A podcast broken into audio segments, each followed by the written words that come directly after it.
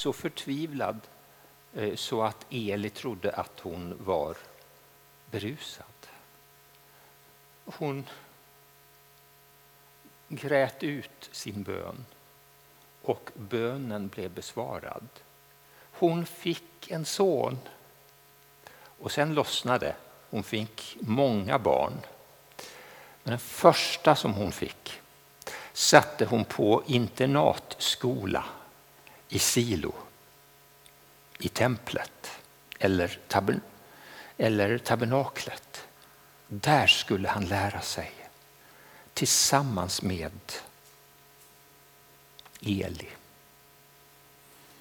Jag ska läsa från Första Samuelsbokens tredje kapitel. Den unge Samuel tjänade nu Herren under Elis uppsikt.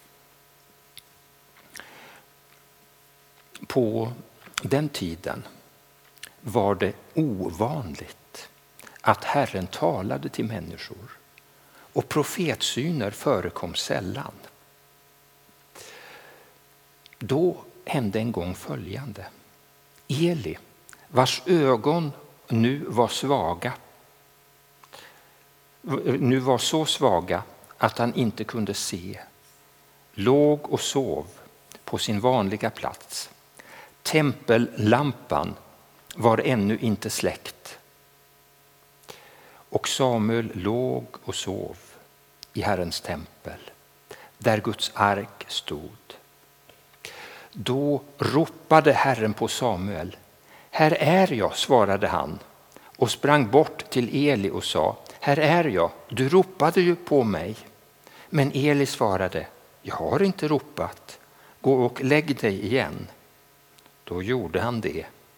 Ännu en gång eh, ropade Herren på honom. Han steg upp och gick bort till Eli. Här är jag. Du ropade på mig. Men Eli svarade, nej min son, jag har inte ropat. Gå och lägg dig igen. Samuel hade ännu inte lärt känna Herren och ännu inte fått ta emot hans ord. För tredje gången ropade Herren på Samuel som åter steg upp och gick bort till Eli. Här är jag, du ropade på mig. Nu förstod Eli att det var Herren som ropade på honom. Och han sa till Samuel att lägga sig igen. Och om någon ropar på dig ska du säga Tala, Herre, din tjänare hör. Och Samuel gick tillbaka och la sig. Då kom Herren och ställde sig där och ropade som förut. Samuel, Samuel.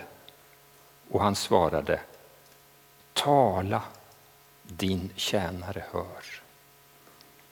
Så lyder Herrens ord. Gud, vi tackar dig.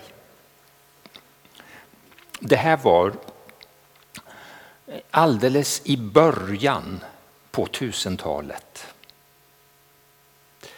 Det hade alldeles nyss varit 1100-talet.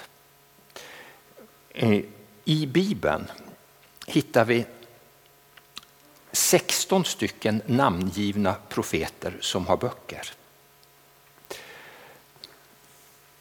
Hur många av de böckerna handlar om saker innan eh, eh, eh, eh, sekelskiftet 1100 eh, och hur många av de profetböckerna handlar om tiden efter? De är 16 stycken. Hur är de fördelade?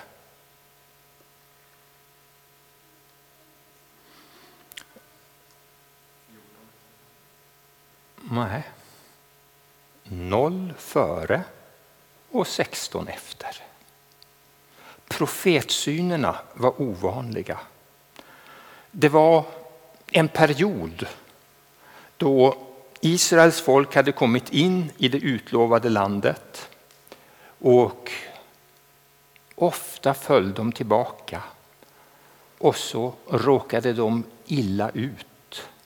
Och så när de råkade illa ut så bad de Gud om hjälp, då gick det bättre. Sen glömde de Gud, Eh, då gick det sämre.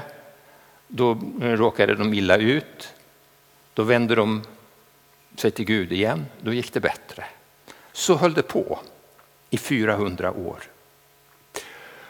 Och sen kom då budskapet till den unge Samuel. Hur många här är det som har varit tio år gamla någon gång? Det vill säga alla utom Jonatan. Eh, och när vi läser personer om personer i Gamla testamentet så ska vi veta att de har varit unga. De som någon gång har blivit över 14 år gamla, de har någon gång i sitt liv varit 14 år. Någon gång i era liv har ni varit jämngamla med Samuel.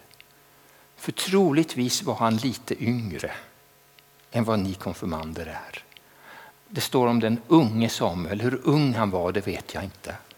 Men eh, man är inte särskilt ung när man är 14 egentligen, för då börjar man ju bli lite vuxen. Och någon gång har många av oss varit i den här situationen. Vi har inte hört Guds röst. Det är kanske är någon som är i den situationen redan nu. Eller som är i den situationen ännu menar jag. Har inte hört på ett påtagligt sätt Gud tala. Det var så det var för Samuel. Och någon gång ska bli den första. Det här handlar om att höra Guds röst och det handlar om hur en ung människa börjar höra Guds röst. Hör den för första gången. I det här fallet så fick Samuel höra en direkt hörbar röst som ropade Samuel, Samuel. Och sen till och med möta en gestalt som hade någonting att säga till honom.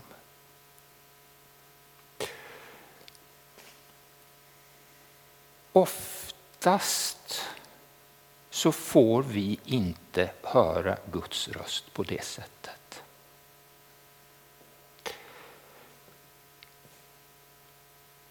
Om det är någon som berättar om det så tycker jag det är fascinerande. För då, om du har en sån erfarenhet så tillhör du minoriteten av oss kristna. Och jag vill gärna höra om du har fått någonting sånt. Men det vanligaste det är att när vi som Samuel är i templet, är på ett ställe där Gud är på ett sätt påtagligt närvarande. Eller när vi är i bön, då kan vi känna på oss vissa saker. Och först kanske vi kan tänka, ja, men det här var ju bara inbildning. Och sen, det här var ju bara inbildning. Och så sen kanske vi kan förstå. Men det här är ju något som Gud vill ha sagt. Och då gäller det, när vi får komma till förstånd att Gud har någonting att säga, gäller det att lyssna. Samuel gjorde det. Vi ska också göra det. Och det budskap som Samuel hade fått att framföra det var så chockerande så att det var jättejobbigt för honom när han skulle föra ut det. Men han vågade. Och det Gud har att säga till oss, det kan vara på ett djupt sätt tröstande.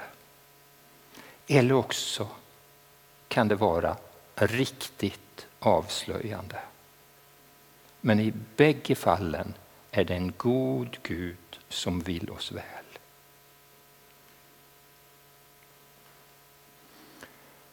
Om vi upplever att Gud har velat någonting med oss och vi inte har gjort som han har velat så kan det vara bra att få be om förlåtelse för det.